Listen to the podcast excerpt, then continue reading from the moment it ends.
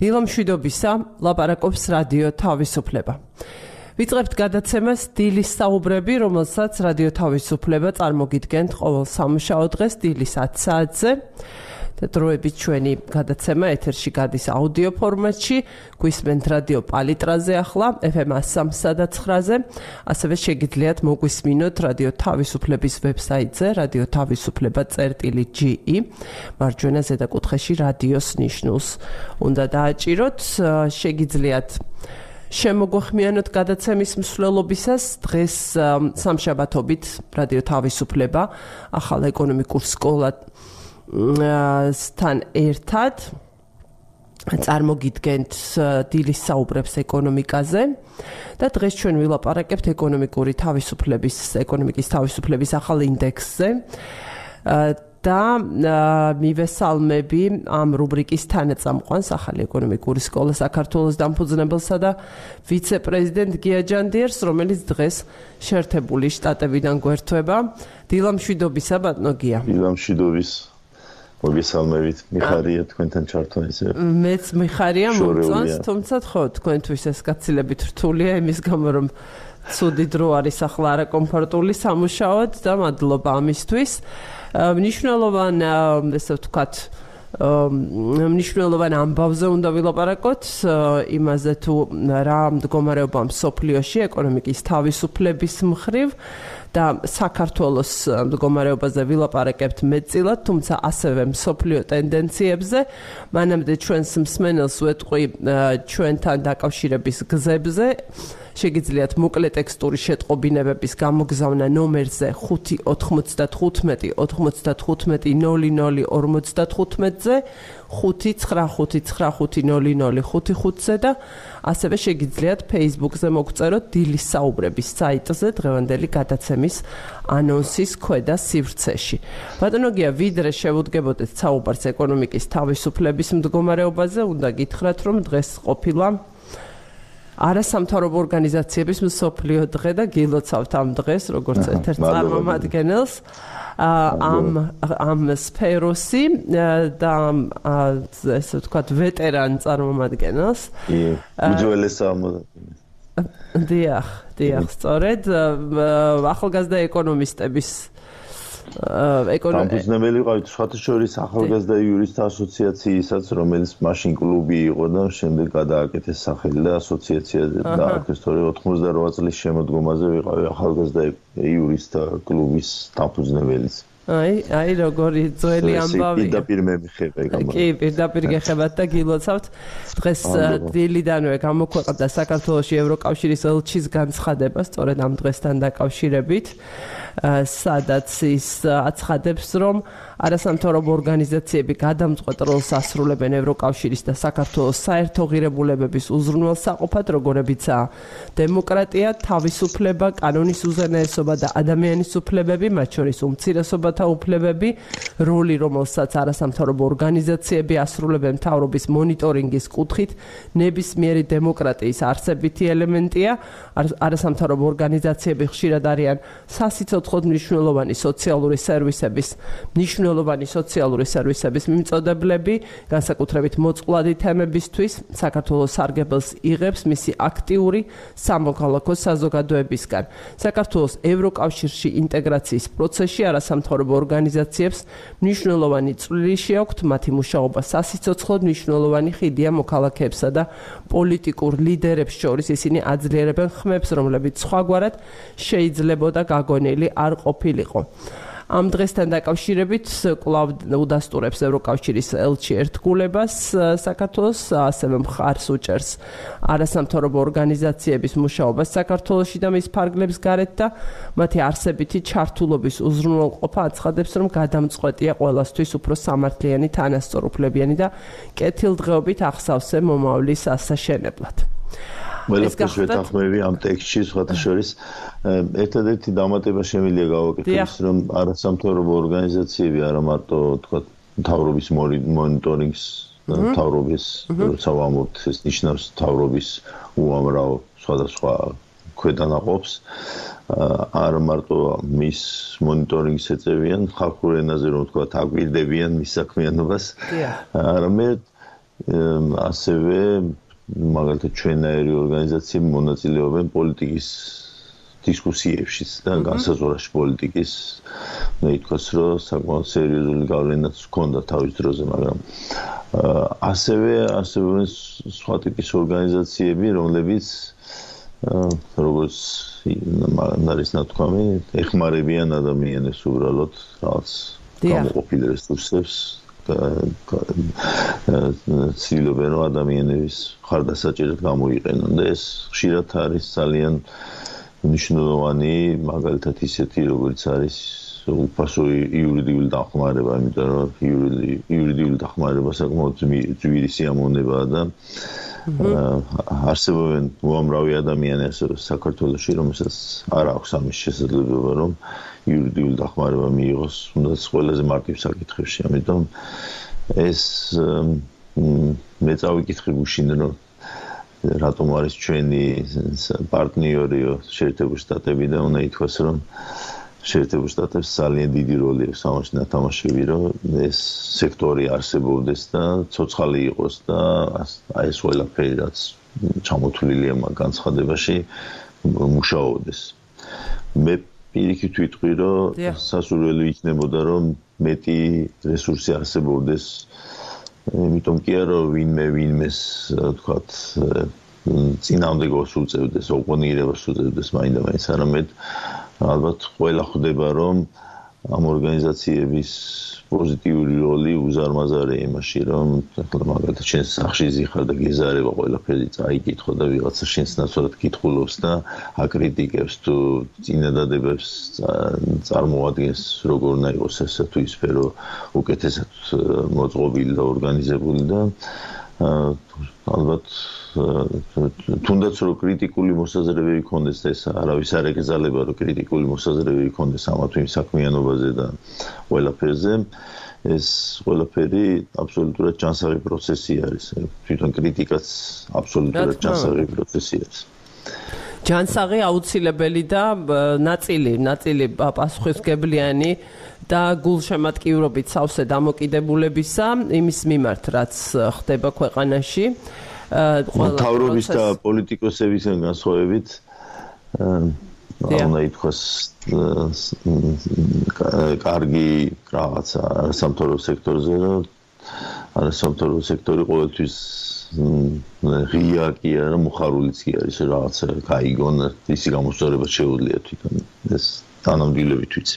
და მთავარი განმასხვავებელი არის ის, რომ პარტიები ძალაუფლებისთვის იბრძვიან, არასამთავრობო ორგანიზაციებს სხვა მიზნები აქვთ. ცხადია და მართლა ძალიან მნიშვნელოვანია როლი არასამთავრობოების უფასო იურიდიული დახმარება ახსენეთ ერთ-ერთი თქვენ აქ ალბათ უნდა ვთქვათ, რომ ლიდერი ორგანიზაცია, ლიდერ ორგანიზაციად რჩება ახალგაზრდა იურისტთა ასოციაცია საქართველოსი და ყველა ყველა ორგანიზაციას არასამთავრობოს ულოცავთ ამ დღეს და მართლაც უნდა აღინიშნოს მათი წვლილი ქვეყნის განვითარებაში.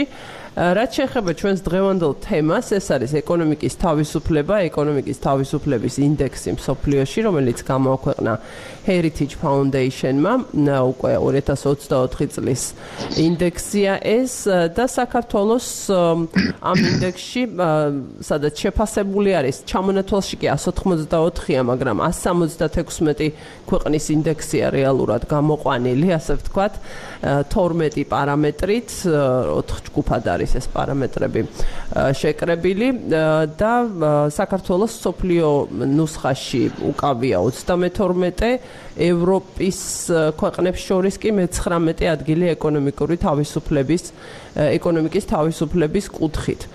რას ნიშნავს ახლა ეს ადგილები, ის მონაცემები, ქულები, რაც არის აქ მოყვანილი, ამაზე მინდა რომ ვილაპარაკოთ, ერთს ვიტყვი ასევე დასაწყისში და დაგითმობთ დროს ცხადია, რომ სინგაპური ინარჩუნებს ლიდერობას ამ სიისა, თუმცა როგორც მე ვნახე, მონაცემები მაჩვენებელი, ანუ ქულები მისი დაკლებულია. აა მგონი ბოლო 2 წლის განმავლობაში და პირველი პირველ ათეულში არის მნიშვნელოვანი გადაადგილებები ქვეყნებს შორის. და ცხადი ამ ყველაფერზე თქვენ ბევრად უკეთესად იტყვით ჩვენი მსმენელისთვის გისმენთ. ხო, ეს ინდექსი 1995 წლიდან არსებობს. ხო, საიუბილეოა ახლა გამახსენდა ესეც 30-ე ინდექსია, დიახ. არსებობს მეორე ინდექსიც, რომელიც ჩვენ ასევე ადრე განვიხილეთ, ასევე ეკონომიკური თავისუფლება სოფლიოში ქვია იმას. ჰერიტიჯის ფონდი უფრო მემარჯვენე კონსერვატიული ორგანიზაციაა და ცხადია ამ კუთხით უყურებს ეკონომიკურ თავისუფლებას და მათ შორის ჩვენ როდესაც დავიწყეთ დაკვირვება ამ ინდექსზე ამ ამ ტიპის ამ ამ ტიპის განხილვებზე პირველ რიგში ჰერიტიჯის ფონდის იყო და შემდეგ ფრეიზერის ინსტიტუტის რომელიც საქართველოს არ განიხილავდა უბრალოდ იმ პერიოდში და ჩვენი ახალი ეკონომიკური სკოლის თქვა ძალისხმევით მოხდა იმ მეორე გამოკვლევაში.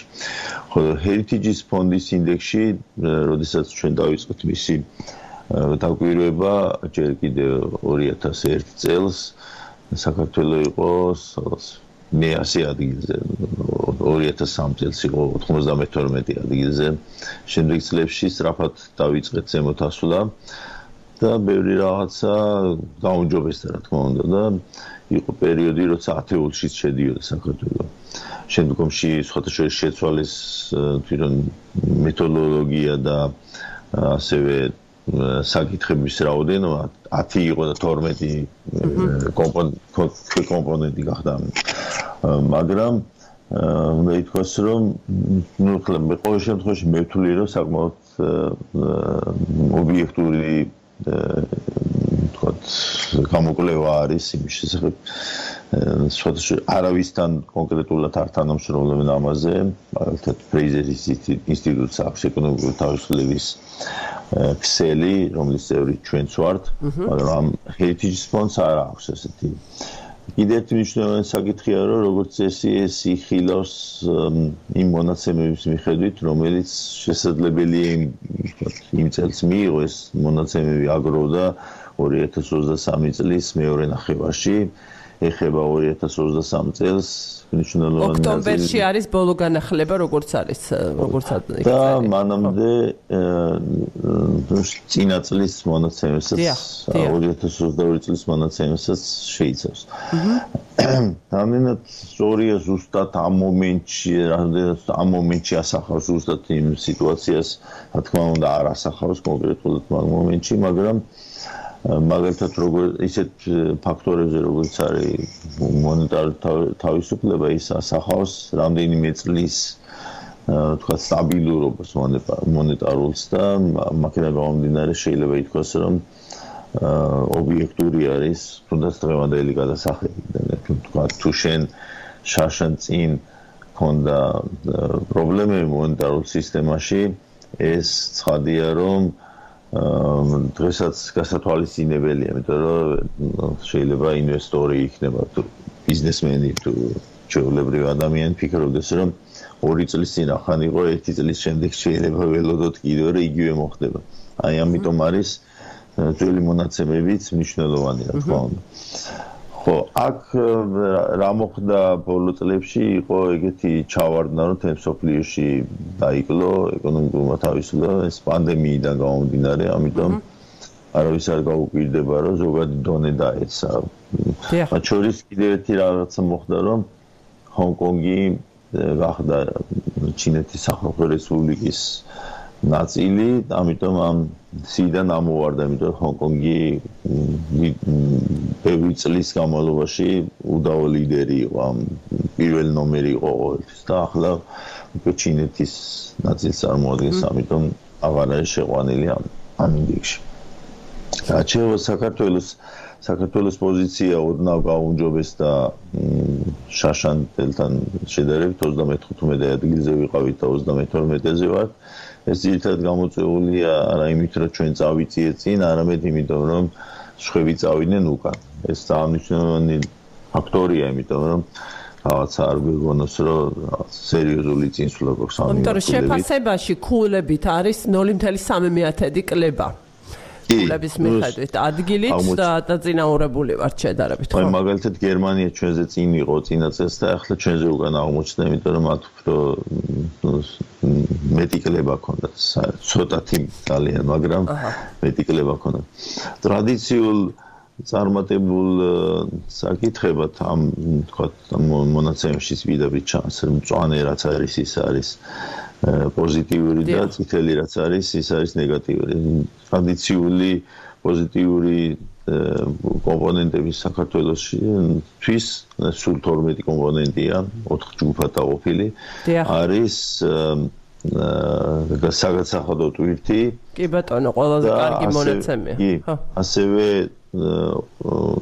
ფაქტიურად ვაჭრობა საერთაშორისო ვაჭრობა ვაჭრობის თავისუფლება. და ჩვენ გვაქვს კიდევ დადებითი მონაცემები საინვესტიციო თავისუფლებაში და ფინანსურ თავისუფლებაში.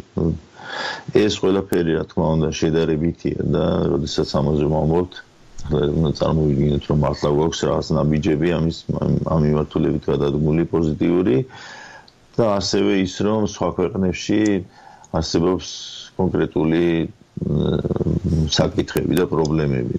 მაგალითად საინვესტიციო თავისუფლებაზე როცა ვამბობთ, ერთ-ერთი ვთქვათ ნაბიჯი რომელიც ჩვენ ამ საინვესტიციო თავისუფლების საწინააღმდეგოდ გადავდგით იყო როდესაც აუგზავნეთ საქართველოსში უცხოელების მიერ მიწის შესყიდვა. ეს რა თქმა უნდა საინვესტიციო თავისუფლებას არ ეხმარება. ეს სხვათაშორის შეიძლება ვინმე გაიგოს იმათ რომ ახლა შევინარჩუნეთ მიწები, მაგრამ სინამდვილეში შეინარჩუნა მთავრობამ და მიმოქცევაში ეს მიწები ისევ არ მოხვდა და ეკონომიკურ თქვათ დოლარს არ ქმნის ეს მიწა რაც ცუდია რაც მეტი მიწა აღმოჩნდება კერძო საკუთრებაში მით უფრო უნდა ველოდოთ რომ სერიოზული დოლარი წარმოიშობა იმ მიწიდან გამომდინარე. მაგრამ რაც თავია აქ ცხადია რომ ეს ასეთი ნაბიჯები ინვესტორებს დამატებით სიგნალს უგზავნის ეს ხის თუ არა ჩვენ არ ქვეყანაში ინვესტიციის ჩადება. ახლა 32 ადგილი უნდა ითქვას რომ არც თუ ისე ცუდი ადგილია ამ სიაში. დიახ. მაგრამ ეს ჯამურა თუ დავინახეთ სხვა ფაქტორებთან ერთად, მაშინ აღმოაჩენთ რომ რა თქმა უნდა ჯობდა რომ მე-12 ყოფილიყო და არა 32 და სულ უკეთესი თუ პირველ ხუთეულში აღმოჩნდებოდით და ამითი გაობათილებდით სხვა რისკ ფაქტორებს რომელიც საქართველოსში არსებობს. ჩვენ გადაცემებში ხშირად ვახსენებ ხოლმე ასეთ ფორმულას რომ თუ ჩვენ გვინდა წარმატებას მივახციოთ უნდა შევეცადოთ რომ უპირატესობები გავზარდოთ და აა შევამციროთ პრობლემები, რომ რომლის შემცირება შესაძლებელია. იმიტომ რომ არსებობს პრობლემები, რომელსაც ჩვენ შევაც შევამცირებთ, მაგალითად ჩვენს რთულ სამეზობლოს. ამას ნუ ჩვენ ვერ მოვერევით ჩვენი ძალებით, რა თქმა უნდა. ამიტომ ჩვენზე დამოკიდებული რაც არის, იმაზე უნდა ვიზრუნოთ პირველ რიგში. ხო, ამ ჩვენზე დამოკიდებულ საკითხებში ცხადია, რომ პირველ რიგში მივადგებით საკუთრების დაცულობას და აუცილებლად მაგაზეც გადავიდეთ ბატონო გია. კი, კი, სწორედაც რისგან შედი, რისგან იქმნება ეს ინდექსი, ასე ციდან არ ვარდება ცხადია, რას ეფუძნება ეს შეფასება და ქულები. უბრალოდ პირველ ათეულს წავიკითხავ, სრულად თავისუფლად სახელდება 4 4 ქვეყნის ეკონომიკა რიგითობით, ანუ სინგაპური, შვეიცარია, ირლანდია, ტაივანი. და ეს ლიდერი ქვეყნები 4 ივლისნაც სულად სრულად მწვანე, ასე ვთქვათ, მუქი მწვანეები იყვნენ შვიდნი, როგორც ვიცი. და პირველ ათეულს რაც შეეხება, გავაგრძელებს. შემდეგ მოდის ლუქსემბურგი, ახალი ზელანდია, დანია, ესტონეთი, შვედეთი, ნორვეგია, ნიდერლანდი, ფინეთი, აა მგონი გავცდი მე ხო, ნორვეგიის ჩათვლით არის 10. ფინეთს მოსდევს ავსტრია და ასე შემდეგ. რა თქმა უნდა, ჯობ ჯობდა ათეულში ყოფნა. ახლა რა შეიძლება იმ შემადგენელს ამ ინდექსისა თქვენ ბრძანეთ რომ ესე ვთქვათ, მეტწილად თავისუფლად, ანუ მწვანე გვაქვს საგადასახადო ტვირთი, ვაჭრობის თავისუფლება, საინვესტიციო თავისუფლება და ფინანსური თავისუფლება. ესეც მინდა რომ განმარტოთ ბატონო გია, ვიდრე გადახვალთ პრობლემებზე. ხო, აი მაგალითად რას ნიშნავს ფინანსური თავისუფლება? ფინანსური თავისუფლება იმას ნიშნავს, რომ ფინანსური, თქვათ, რესურსების მოძრაობა ამ ქვეყანაში არ არის შეზღუდული, თქვათ, მატანა თუ შემოტანა ფინანსური რესურსების ასეთი რაღაცები, ну, არსებობს რაღაცა საკმაოდ მინიმალური შეზღუდვები, რომელიც ხელს არ უშლის ძირითადად, თქვათ, ფინანსურ ბიზნესს მის ადვილად მოქმედებს. რაც შეეხება, თქვათ, საინვესტიციო თავისუფლებას მე ვთქვი მაგალითად ერთ-ერთი ფაქტორი, მაგრამ სხვა ქვეყნებს რომ შევადაროთ, შეიძლება იყოს მაგალითად ქვეყნები, რომელშიც თქვათ აგრძალულია ინვესტიციების შემოტანა რაღაც გარკვეული მხარეებიდან და ასევე გატანა არის აკრძალული რაც ყველაზე მთავარია ქვეყნიდან რაც რა თქმა უნდა ფინანსურ თავისუფლებას და საინვესტიციო თავისუფლებას ამცირებს. აი მასე არის საუბარი. აჰა. ნუ საქართველოს სადღაც 2000-იან წლებიდან აქვს უფრო გამარტივებული თუმცა როდესაც საქმე საქმეზე მიდგება, როგორც თქვი, ეს ფაქტორები არ გშველის, მხოლოდ ეს ფაქტორები არ გიშველის. არსებობს სხვა გამოკვლევებიც, მაგალითად ერთ-ერთი არის გლობალური კონკურენტუნარიანობის გამოკვლევა, რომელსაც სოფლის ეკონომიკური ფორუმი აკეთებს, მაგრამ პანდემიიდან დაწყებული აღარ გაუკეთებიათ. და იმ გამოკვლევაში მაგალითად დაჩვენებია, რომ ჩინეთი, ინდოეთი და რუსეთი ჩვენზე საკმაოდ მაღლა იყვნენ. ბოლო ინდექსის მიხედვით ასე იყო. მაგრამ რა განაპირობებდა მათ ჩვენზე მაღლა ყოფნას არაფერი გარდა იმისა, რომ ისინი უფრო მასშტაბური ქვეყნები.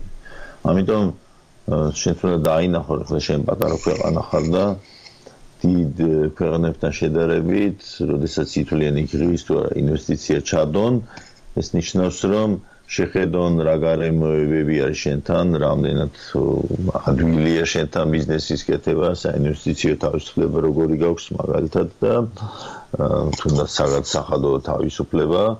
მაგრამ მე ვფიქრობ, მე ეს ყველაფერი კარგია, მაგრამ იმდენად პატარაა ეს ქვეყანა, რომ და იმდენად თქვა ნაკლებად სყიდული უნარიანია, ნაკლებ შემოსავლიანია საშუალოდ ამ ქვეყნის მოსახლეობა, რომ ეს ბიზნესი აქ ვერ გაძლებს, ვერ გადარჩება. ამიტომ წავალ და ვწდიბეც ისეთ ქვეყანაში, როგორც არის, თქვა, ჩინეთის სახალხო რესპუბლიკა, იქ ყველაფერი უფრო რთულია, ვიდრე საქართველოში, ნამდვილად უფრო რთულია ნებისმიერი ადამიანი, ვისაც აქვს რაიმე კავშირი ჩინეთთან, ყველა გეტყვით მაგას, მაგრამ სამაგიეროდ იფიქრებენ, რომ აი რაღაცებს გავახერხებ იქ, რომ თავრობას მოველაპარაკები და იქნება რაღაც გადავრჩე მაინც და სამაგიეროდ მექნება ასობით მილიონ მომხმარებელთან ურთიერთობა. ამიტომ, როდესაც ამაზე ვსაუბრობთ, ეს რა თქმა უნდა ნაწილობრივი და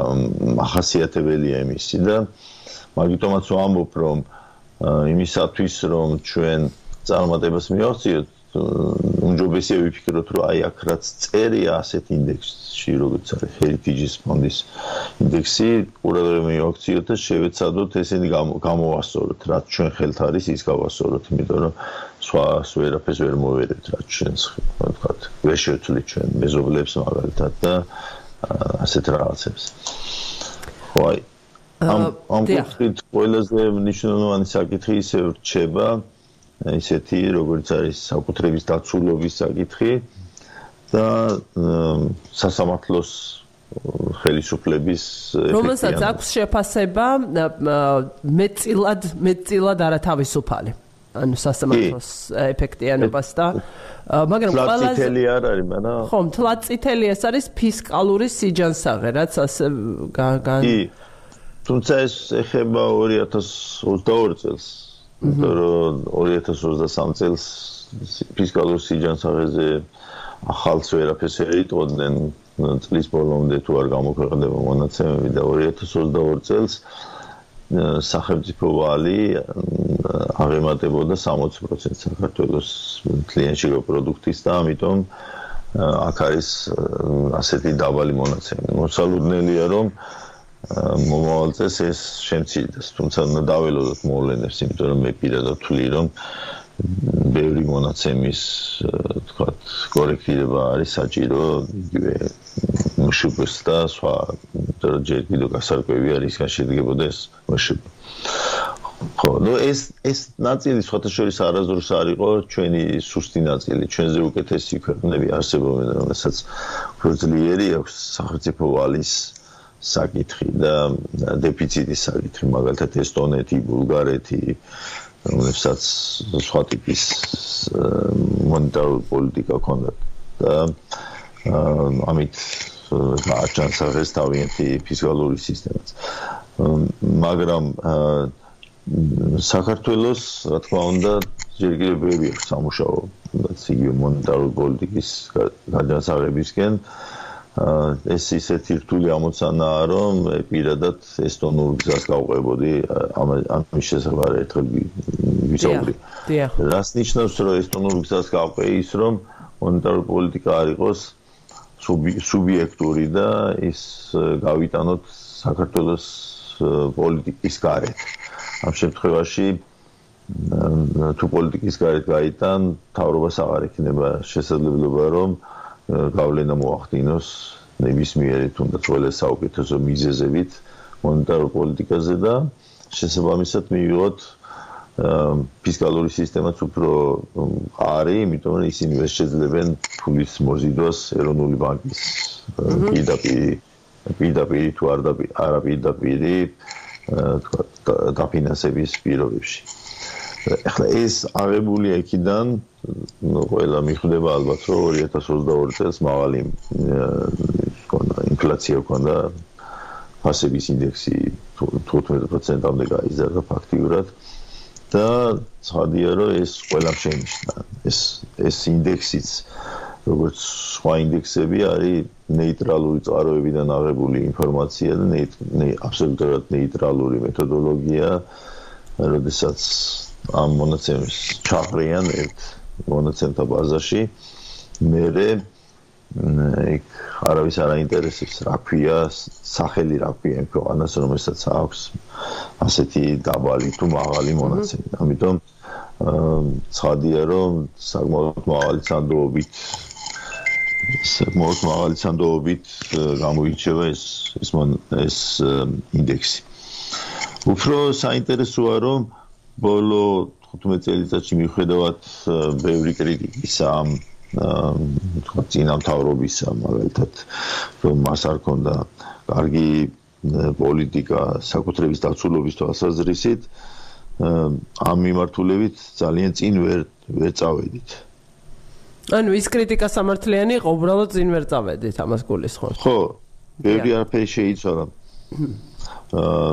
ამ მიმართულებით ჩვენ ვიცით ერთი რაღაცა რომ სასამართლოები ისე ნელა იღებენ გადაწყვეტილებას აქ ეფექტიანობაზე არის გასმული ხაზი მაგალითად სასამართლოს ხელისუფლების ნელა იღებენ გადაწყვეტილებას რომელიც ელემენტარულ ეკონომიკას ვირი უჯდება და ხშირად არის ასეთი მოთხოვნა და წამოყენებული ბიზნესისგან რომ რაღაცა უფრო დაჩქარება ამ პროცესების აუცილებელია. ასევე სხვა ალტერნატივებიც მაგრამ ჯერჯერობით ამ ალტერნატივებს არავინ იხილავს, ამიტომ ჩვენ არ ვიცით, რამდენად სწრაფად შეიძლება ასეთი რაღაცების ეფექტიანად შეცვლა და უფრო მაღალი შედეგების მიღება. ну აი მეორე მხრივ ადვილი წარმოსადგენია რას ნიშნავს ეს რომ როდესაც თუნდაც ჩვენ ვაკრიტიკებთ ისეთ ქვეყანებს, როგორც არის ჩინეთის სახალხო რესპუბლიკა. ადროგია, ვიდრე ჩინეთზე და რუსეთზე გადავალთ, რეკლამა უნდა გამოაცხადოთ რადიო პალიტრის ეთერში რეკლამის დროა, რამდენიმე წუთში დაუბრუნდებით რადიოს მსმენელს და უწყვეტად ვაგრძელებთ საუბარს ინტერნეტში რადიო თავისუფლება წერტილი GE-ზე. დიახ, ბოდიში გაგაწყვეტინეთ და გიშ. ხო, იმას ვამოდი, როდესაც ამ ასეთ ქვეყნებს როგორც ჩინეთის სახალხო რესპუბლიკა ან რუსეთია ცდილობთ რომ გავაანალიზოთ იქ სიტუაცია და ღირს თუ არა მათთან უფრო ღია თანამშრომლობა ჩვენ ყოველთვის იმას ვფიქრობთ რომ მოდი შევხედოთ ასეთ ინდექსებს და სხვადასხვა წყაროებს, სხვადასხვა გამოკვლევებს როგორ აფასებენ ისინი ასეთ ჩინეთის თუ რუსეთის თუ სხვა ქვეყნების თქვათ გარემოს, გარემოს მათ ქვეყნებში და დავინ ყოველთვის ხედავთ რომ იქ საკმაოდ რთული სიტუაციაა. აჰა. ესეთი შეიძლება დავინახო ახლა ჩვენ ჩვენ თავს უნდა შევხედოთ სხვა მხრივ რომ როდესაც ვიღაცას ჩვენთან საქმის დაჭერა უნდა ისინი რას აღმოაჩენენ ჩვენ ქვეყანაში? ამ მიმართულებით ბევრს ბევრს ვერაფერს ბევრს ვერაფერს ვერ მივახცევთ ამ მიმართულებით იმიტომ რომ ყოველ შემთხვევაში თუნდაც რომ ჩვენ გვეჩვენებოდეს რომ ყველა საუკეთესო სიტუაცია გვაქვს ну თქვა ესეთი ინდექსები აჩვენებს რომ ჯერ კიდევ არსებობს რაღაც პრობლემები და თუ ჩვენ არ წავალთ იმ გზით რომ პრობლემები აღოფრა დავიწყოთ მაშინ ჩვენ ჩავრჩებით ასეთივე მდგომარეობაში რომ არ გვენდობიან ბოლომდე. ეს შესაძაც ამას ხედავ. ხო, აქ მნიშვნელოვანი რა რომ საბოლოო წერტილში ყველაფერი საუკეთესო მონაცემი კონდეს. საბოლოო წერტილში თუ ჩვენ ვერ გავაუნჯობესებთ სასამართლო ხელისუფლების ეფექტიანობას, მაშინ შეიძლება მაგალითად საგადასახადო მარეგულირებელი ორგანოების დავები ყოველთვის წააგო. აჰა.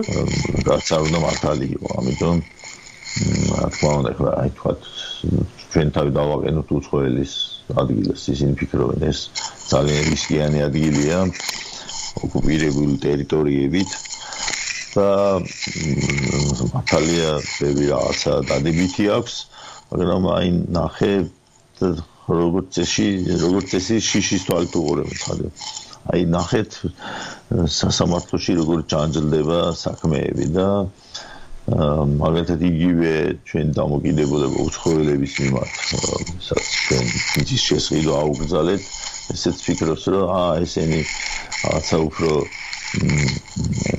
ქართულ ინტერესებს იცავენ სხვადასხვა გზებით ამიტომ კაცმა არ იცის ჩემი საქმე როგორ დატრიალდება და თმარიცის კიდე რა შეიძლება მიიღონ ასეთ ქვეყანაში რომელსაც უკვე ასეთი ნაბიჯი გადადგა. ამიტომ არის ასეთი ნაბიჯები ეხლა ეს ამან შეიძლება დისკუსია ესე თავიდან და გამოიწვიოს რომ როგორ აბაჩვენი მიწები უცხოელებს ვიცეთ თუ არა და ასე შემდეგ მაგრამ მიუხედავად ამისა ახლა ჩემი ვალია რომ ასეთ რაღაცებზე თქვა რომ ასეთი ნაბიჯები ეკონომიკურ წარმატებას ხელს არ უწყობენ მაგალითად იგივე მიწა თუ შეგინდა რომ ნორმალური ფასი იყოს რაც მიწას ეკადრება მაშინ უნდა დაუშვა რომ კიდველი ყავდეს ამ მიწას და აფასებდეს კიდველი და ამის შედეგად რა თქმა უნდა მიწის ფასი მეરે მატულობს და მიდის გლობალური გლობალური ფასების მიმართულებით. და ის ადამიანი ვინც ახლა მაგალითად მიწა აქვს და ღირდა უნდა შეიძლება ზარალობს იმის გამო რომ დღეს არ შეუძლია კიდევ სულ ცხოვრელზე და ვერ ვერ მიიღებს. მეორე მხარე არის რომ საქართველოს მოქალაქეები რომლებიც ნორმალურ ქვეყნებში გააღწიეს და იქ ცხოვრობენ და მათაც რო უთხრა რომ აი შენ საქართველოს მოქალაქე ხარ და მეგეკრძალება აქ მიზის ყიდვა ალბათ ჩვენ ვიტყვით რომ აკო აკეთებენ ამას ქართველების მიმართ ახლა შენ შენ თავში უნდა ჩაიხილე რა შენ რატო უკეთებს ეს ხო მოგრეთ ეს რაც შეეხება ამ კონკრეტულ დღევანდელ მონაცემებს აქ ერთი რამე უნდა ითქვას, რომ ეს მონაცემები ღია არის და გამოქვეყნებულია ეს გუშინ გამოქვეყნდა.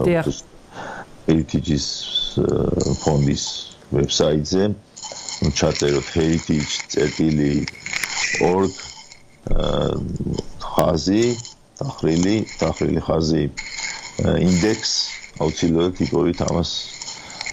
და შეგვიძლია გამოიწეროთ მონაცემები ასევე წლების მიხედვით, არა მარტო კი, ამ დინამიკაზეც, კი, ამ დინამიკაზეც ვიტყვით რადიო პალიტრის ეთერში ვართ კლავ და მსმენელს ვეტყვი რომ თქვენ უსმენთ რადიო თავისუფლების დილის საუბრებს და სამშაბათობით რადიო თავისუფლება ახალ ეკონომიკურ სკოლა საქართველოსთან ერთად წარმოგიდგენ დილის საუბრებს ეკონომიკაზე. დღეს ვლაპარაკობთ ეკონომიკის თავისუფლების ინდექსზე, რომელიც გამოაქვეყნა Heritage Foundation-მა და სადაც საქართველოს სოფლიო რეიტინგში 170 16 შეფასებულ ქვეყანას შორის უკავია 32 ადგილი, ევროპის 44 ქვეყანას შორის უკავია მე-19 ადგილი და შეფასებული არის საქართველოს ზომიერად საქართველოს ეკონომიკა ზომიერად თავისუფლად შეიძლება ასე სწორად თარგმნი ბადნოგია. კი, კი, რა თქმა უნდა. და უნდა ითქვას დინამიკაზე, რადგან წინა წლები ახსენეთ თქვენ, იყო დრო როცა და ეს ინდექსი მზადდება 1995 წლიდან აქ საქართველოს მონაცემები ნაჩვენები არის 96-დან იყო დრო როცა საქართველოს ეკონომიკა ითვლებოდა დათრგუნულ შეზღუდულ ეკონომიკად სრულიად გაწითლებული იყო ასე ვთქვათ. შემდეგ მეტწილად არათავისუფალ ეკონომიკად ეს უკვე ზემოთანაცვლება იყო იმ პირველ მდგომარეობასთან შედარებით 99-დან უკვე 2000 2005 წლის ჩათვლით. შემდეგ იყო ზომიერად თავისუფალი 2006 წლიდან მოყოლებული და 2009 წლის ჩათვლით. 2010-სა და 2011-ში იყო უკვე მეტწილად თავისუფალ ქვეყნად შეფასებული 70 კულაზე მეტი ჰქონდა 100 არის საუკეთესო მაჩვენებელი. და 2012-ში ზომიერად თავისუფალზე ჩამოინაცვლა შემდეგ 2013-დან მოყოლებული 2022 წლის ჩათვლით გახდათ მეტწილად თავისუფალი და ახლა 23-სა და 24-ის მონაცემები გავს. ერთმანეთს მცირე განსხვავება არის წელს ცოტათი კლება გახლავთ ზომიერად თავისუფალ ეკონომიკად შეფასებული საქართველოს ეკონომიკის მდგომარეობა. ბატონი ბატონი გია მსმენელების კომენტარები და აუცილებლად მინდა რომ გამოვეხმაუროთ მიწაზე ლაპარაკობდით. თქვენ და ჩვენ ჩვენ გვწერს მსმენელი თუ მიწა ირანელი და არაბი იცით თქვენ ეს თემები და ეს მსჯელობა არაბი ინვესტორების ხელში ჩავარდა და ამ ხალხის ჩამოსახლება დაიწყო საქართველოში ჩვენს ეროვნულ ინტერესებში რამდენად შესაბ ინტერესებს რამდენად შეესაბამებაო წერს ერთი მსმენელი ასეთ შეკითხვას როგორც წერს ისე წავიკითხე რომ გამოყოფს ესეც საფიქრებელია მაინცა და მაინც ასე ცალკე კონკრეტულ ხალხებს ასე ვთქვათ. და იგივე მსმენელი სასოფლო სამეურნეო მიწა არ არის მარტო ინვესტიციის საგანი. საქართველოში ისედაც 20% დაკარგული გვაქვს და კლავ ხო კონკრეტულად ირანელ ინვესტორების მიმართ აქვს ეს ციფრთხილე თუ შიში რატომღაც აზერბაიჯანის მოსაზღვრე მიწები იზიდავთ ზეთის ხილს აშენებენ ხომ არაფერი გეცნობათ ჩვენი ბედკრული ისტორიიდანო ერთი მსმენელი იყო ეს და შემდეგ ხებსაც გაგაცნობთ ბძანეთ ხო, ну, რა თქმა უნდა ეს დისკუსია ახალი არ არის და რა ვიცი, მე მგონია რომ დამთავრებულიც არ არის, იმიტომ რომ ბევრი, ну, არგუმენტების მოსმენა არავის დაუწყია მაშინ, როდესაც ეს გადაწყვეტილება მიიღეს, როგორც მე ადრე ვთქვი, ანა ჩანიკ დიდურაკ ასეთმა პოლიტიკამ იმუშავა, რომ მართლა ჩვენ გადავწყვიტეთ და თქვენ მიგეკითხებათ. სინამდვილეში, რა თქმა უნდა, ბევრმა ადამიანმა თავისი მიწის ღირებულების დიდი ნაწილი დაკარგა მის გამო რომ ფასები დავარდა. მაგრამ მეორე არის რომ, რა თქმა უნდა, პირველ რიგში უნდა განვიხილოთ ის, რომ მიწები უნდა წავიდეს პრივატიზებაში, სახელმწიფო მიწებია. და ქართველებმა მე მომხრევა იმისი რომ ამ მიწების დიდი ნაწილი უბრალოდ ქართულ მოსახლეობაზე გადანაწილეს ახლა ეს უფრო შორს მიდიოთ რთულდება ასეთი რაღაც მაგრამ პირველ რიგში ამ მიმართულებით უნდა წავიდეთ რომ საქართველოს მოსახლეობას რაც ეკუთვნის უნდა მიიღოს. ახლა უცხოელები რა შუაში არის? უცხოელების საკითხი მეორადი საკითხი რა თქმა უნდა. ჯერ ჩვენ უნდა მივიღოთ და მე ჩვენ მივიღოთ გადაწყვეტილება ვის მივიყიდოთ და რამდენად მივიყიდოთ და და არა ის რომ სახელმწიფო ჩაერთოს ამ მიწების დარიგებაში უცხოელებზე. ამაზე საუბარი საერთოდ მე მგონი არც არავის არ აქვს საუბარი იმაზე არის რომ აკრძალოებმა რა შეიძლება ამ მიმართულებით გამოიწვიოს და პირველ რიგში იწევს იმას რომ ეს მიწები რჩება გაუკვებელ სიტუაციაში. არ არის გამოყენებული დოლათის გასამრავლებლად საქართველოში იგივე მაგალითად სოფლის მეურნეობის პროდუქტების გასამრავლებლად საქართველოში და ამიტომ ჩვენ დავიწყოთ მაგ მიმართულებით. მაგის გარდა უამრავი დადებითი მოვლენაა, მოვლენა აქვს იმას, მოსდევს იმას, რომ უცხოელებიც იყვნენ ქართველებთან ერთად მესაკუთრეები, რომ მაგალითად რომ ბევრი ამის სწავლა შეიძლება კონკურენტებიც გახდებიან ჩვენი და უკეთესად ჩვენც უკეთესად დავიწყოთ მიწის გამოყენებას. ხო რა შეიძლება თქვა თუ დატოვებ ამ მდგომარეობას, აქედან ჩვენ მაინდამაინც რაც დადებით მოვლენებს არ უნდა ველოდეთ არაფერი უბრალოდ ყველაფერი გაიყინება. არც მე არც შენ არც არავის ესეთ იმაში. და ცხადია რომ უამრავი კორუფციული გარიგების ნაწილი შეიძლება გახდეს ეს მიწები და არსებობს ესეთი მოსაზრებაც რომ ამ გზით როდესაც მიწა აგზალის უცხოელებზე გასხვისებული იყო ამითი თვითონ ის არიგდეს ვთქვათ თავრობის გარკვეულმა წევრებმა რომ თვითონ განაგებ მე ამ მიწებს და მათ შორის უფრო იაფათაც განაგებენ კი ბატონო. ამ მიწებს ხლა ამის გადამოწმება და ეს ძნელია მაგრამ ყოველ შემთხვევაში მე მგონია რომ ეკონომიკური თვალსაზრისით არასწორი გადაწყვეტილება შეიძლება ინმეს რაღაცა სხვა მოსაზრებები აქვს.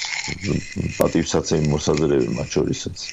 მაგრამ ჩვენ და ეხონძანელოთ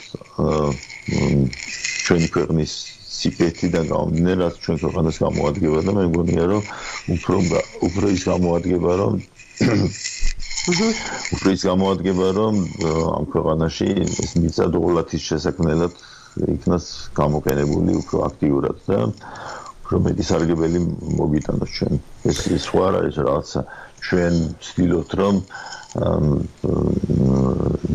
უბრალოდ მიწები კონდეს და ვისხდეთ და უყუროთ ამ მიწებს ეს ეს ხო არ აქვს ჩვენ მიზნად ხო მიწაც იმიტომაც მინდა ჩვენ იქნებით სხვა ქვეყანაში თასი არის რომ მიწაც იმიტომ უნდათ რომ მათ უნდათ ამ ის დოლათის მისაღებად გამოსაყენებლად. ხოდია და საბოლოოდ ხომ მოქალაქეების კეთილდღეობისთვის ერთი შესანიშნავი შეკითხვა არის დასმული ბატონოგია და ვიდრე შეკითხვას წავიკითხავ heritage-ის ანგარიშშიც არის აღნიშნული რომ კორელაციაშია ეკონომიკის თავისუფლება კეთილდღეობასთან და ეკონომიკურ განვითარებასთან ქვეყნისაო.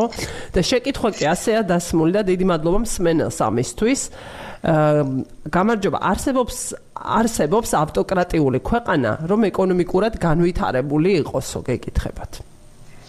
ხო ახლა ავტოკრატიულს დავარქმე თუ ნახევრად ავტოკრატიულ სინგაპური ითვლება მაგალითად ესეთ ასეთ ქვეყანად მაგრამ უნდა ითქვას რომ სინგაპურში იყო საკმაოდ განსხვავებული ავტოკრატიული სისტემა იქ. ბევრი რაღაცა იყო შეზღუდული, რაღაცები შეიძლება ვთქვათ, მაგრამ მეორე მხრივ მაგალითად მსმენელს შეიძლება ძალიან გაუკვირდეს, მაგრამ ლიკვანიონი ვინც იყო ამ ქვეყნის ლიდერი აწლეულების განმავლობაში, მან თავრობაში აკრძალა საერთაშორისო დახმარების მიღებაზე საუბარიც კი და ამოდა ჩვენ ჩვენი საკუთარი რესურსები, ყველაფერი ადამიანურიც და ყველანაირი გვაქვს იმისთვის, რომ ჩვენ თვითონ გავდიდეთ და უნდა ითქვას, რომ ერთ-ერთი უმდიდრესი ქვეყანაა საშუალო შემოსავლებით თუ ავიღებთ ნებისმიერ ქვეყანასთან შესაძლებლად. მაგრამ ზოგადად რა თქმა უნდა, ისიც მართალია, რომ ავტოკრატიულ ქვეყნებში ეკონომიკური თავისუფლება უფრო ნაკლებია. თუმცა მეორე მხარი არის რომ ჯერ კიდევ დასადგენია რომელი რომელს იწევს შეიძლება ეკონომიკური თავისუფლება რაც მაღალია ამან განაპირობოს რომ მოქალაქეები უფრო თავისუფალი არიან და მათ უფრო თქვა თავისუფალი არჩევანის შესაძლებლობაც აქვს. მაგალითად ჩვენ როდესაც პრეზიდენტ შევარდნაძის დროს თავაზობდით საგადასახადო რეფორმას იქ ვამბობდით რომ ჩვენ თუ მივახცევთ იმას რომ გადასახადები იმდენი გვექნება რომ გადახდა შესაძლებელი იქნება მაშინ ეს უამრავ ადამიანს გაათავისუფლებს სახელმწიფოს ზეწოლისაგან რომ მაშინ ეხლაც არის ბევრი ელემენტი მაგის სხვათა შორის და ესე ესე ადვილი არა ეს სიტუაცია. იყო ის რომ შეიძლება მოგესურვებინა ყველაფერი გადაგიხადა და მაინც ვერ მოგიხერხებინა ყველაფრის გადახდა და მაინც დამნაშავე გამოხვიდეთ და თუ დამნაშავედ გძნობ თავს მე შენზე ზეწოლა ადვილია და პოლიტიკური თუ სხვა უთხეებით შეიძლება უფრო ადვილი გამოსაღენებელი იყო. ამიტომ ეკონომიკური თავისუფლება ეს არ ასახავს მხოლოდ შესაძლებლობას რომ ეკონომიკა გაჯანსაღდეს, არამედ ზოგადად ქვეყანა რო გაჯანსაღდეს იმის იმისკენაც არის ეს. კი, ყველაფერი. კი ბატონო.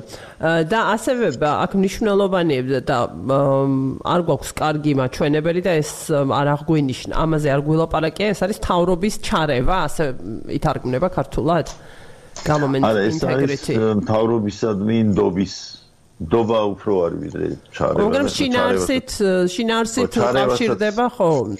ისა ჩარევა. ამდენად ერევა მთავრობა ეკონომიკურ ამ ესე ვთქვათ ურთიერთობებში, ხო? ეს ესეთი ფაქტორია, რომელშიც ჩვენ შეგვიძლია რომ უკეთესიც ვიყოთ, მაგრამ რატომღაც შეჯერებით ამ მიმართულებთ არ მიდიოთ.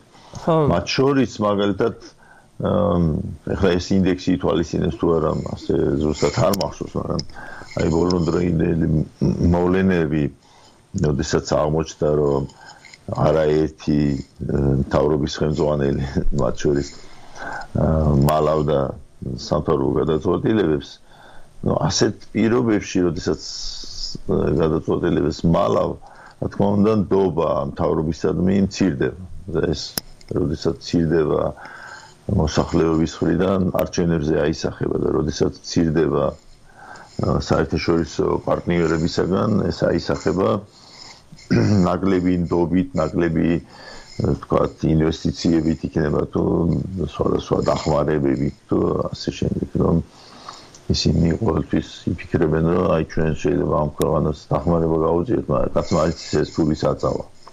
მე სად ვარ პიროთ რომელ თავრობის რომელ დადგენილებაში ვეძებოთ და რომელიც არ გამოქვეყნდა. ვისაც ამაზე საუბარი მიდის შეიძლება ვიღაცას ეგონოს რომ ახირებული არასამთავრობო ორგანიზაციები ეძებენ მიზეს როგორ გააკრიტიკონ თავრობას. მაგრამ ეს ახირებული არასამთავრობო ორგანიზაციები სწორედაც ცდილობენ რომ გაჯანსაღდეს ჩვენთან პოლიტიკა იმიტომ რომ ჩვენ თქვა დადებითად ვიყურებდნენ უცხოეთში და ასევე ამას მოყვებოდეს სხვადასხვა პროექტებში მონაწილეობა და უამრავი რაღაც ხო ახლა ყველა ადამიანი წარმოიდგენს რა შეიძლება იყოს ამასთან დაკავშირებით მნიშვნელოვანი რაც არის ხო მოქალაქეებს ჰქონდათ მეტინდობა ხელისუფლების საქმიანობის მიმართ რომ მათი მათი მათი ინტერესებისთვის მუშაობენ და რა თქმა უნდა კითხვებს აჩენს როცა საჯარო ინფორმაცია არის გასაიდუმლოებული და საჭიდაო ხდება ყოველ ჯერზე. ხედავს უცხოელი ფიქრობს რომ ეს თავის მოქალაქეებს როგორ იქცევა და მე როგორ მომიქცევ. ხო, მათ მიმართ არ თulis თავს ანგარიშვალდებულა და მომრჩევლების და ხმით უმეტეს. არის კიდევ მსმენელებს გეტყვით რომ დარჩა ჩვენი საუბრის დასრულებამდე დაახლოებით 5-6 წუთი. შეგიძლიათ კიდევ შემოხმიანება 5-95-95-00-55-ზე მოკლე ტექსტური შეტყობინებით და ერთი ასეთი კომენტარი შეკითხვა ჩინეთის ეროვნული ეკონომიკა 18 ტრილიონია მაგათზე მეტი ავტორიტარული ქვეყანა რომელია ნეტავო. აა ანუ ესეთი რიტორიკულია მისი მსმენელის მით როგორც მე ხო ორივეში ვეთანხმები რომ 18 ტრილიონია და იმაშიც რომ ავტორიტარულია მაგრამ პირველ ერთხელ ხას გაუსვა იმას რომ ასეთ ქვეყანაში მიდიან თქვა ბიზნესი ბიზნესი არ არის რაღაცა სტრუქტურა, რომელიც რაღაცა ეთიკურ და რაღაცებზე მუშაობს და დაღამე რომ ეს არა არა ეთიკური ავტორიტარული ქვეყანასთან მუშაობა და არ წავალი. არამედ ის ფიქრობს რომ საწყავს მეტი პოტენციური მ კლიენტი ხო? და მოდესაც ფიქრობს ჩინეთში წავიდეს თუ არა, ის წარმოიდგინებს რომ 100 მილიონი პოტენციური კლიენტი ყავს. რა თქმა უნდა, იქ ქართულებულია საკითხების გადაწყვეტა, მაგრამ რაც ფიქრობს რომ აქედან შეიძლება იმდენი ფული შემოვიდეს, რომ მომიხმარება ყველანაირი საკითხების გადაჭრაში, ასე ვთქვათ. როდესაც შენ პატარა ქვეყანა ხარ და ავტორიტარული ხარ, ის ფიქრობს რომ აქ რა ფული უნდა ვიშოვო, იქიდან მე თანაც პრობლემების გადაჭრას მოახერხო. აი ასეთი ფიქრი შეიძლება. ამიტომ რა თქმა უნდა და წეან ეთი კითხვა იყო კიდე რომ აისახება თუ არა ეს აი კეთილდღეობაზე ასეთ ინდექსში წარმატება ნუ ეს ავტომატურად არ აისახება ცხადია ნუ თქვა დღეს თუ გექნება პირველად იზე რომ გახვიდე დღეს აჰა ვალ არ იქნები ვიდურესად დიდარი ქვეყანა რა თქმა უნდა ეს არის გზა იმისთვის რომ ეკონომიკაში მეტი სიჯანსაღე იყოს და როგორც წევან თქვი ისევ და ისევ ინფორმაციას დაუბრუნდები რომ მეტი უპირატესობები მიიღოს ქართულმა ეკონომიკამ და მეტი პრობლემები ამილად ამოხდა. ამის გარდა ბევრი საკითხებია, რომელიც ამ ინდექსში არ არის განხილული ზოგადად და მაგალითად ამახსენ გლობალური კონკურენტუნარიანობის ინდექსი, სადაც გამოკითხვა მაშინდელი ბოლო ინდექსის მიხედვით აჩვენებდა, რომ საქართველოში კვალიფიცირებული მუშახელის პრობლემა, ყველაზე პირველი პრობლემა ბიზნესისთვის არის კვალიფიცირებული მუშახელის არსებობა. იმიტომ რომ როდესაც შეხედავ გადასახადების დონე არ არის ჩვენთან ისეთი მაღალი რომ მაგაზე თქვა რამე, მაგრამ ასევე მუშახელის უდისციპლინობა, ასე თქვა და ასე რომ დავარქვათ, რომ მე პირადად შეხედრი ვარ ბოლო ხანებშიც დისკუსიებს, აი რატომ მოხვედი გვიან და შენს გამო აი საქმე გაფუჭდა რაღაცა ეს ადამიანს ჩოლო მოლენოთ მიაჩნიეთ რომ სამსახურში არ მიილენ და და რა მოხდება სამსახურში რო არ მიხვალ შენი საქმე არ გაგეთდება შენი კომპანია თუ აქტაზესებულება ვერ მიაღწევს მიზანს და კონკურენტები აჯობებენ ელემენტარულად ვიღაც თურქი კონკურენტები აჯობებენ.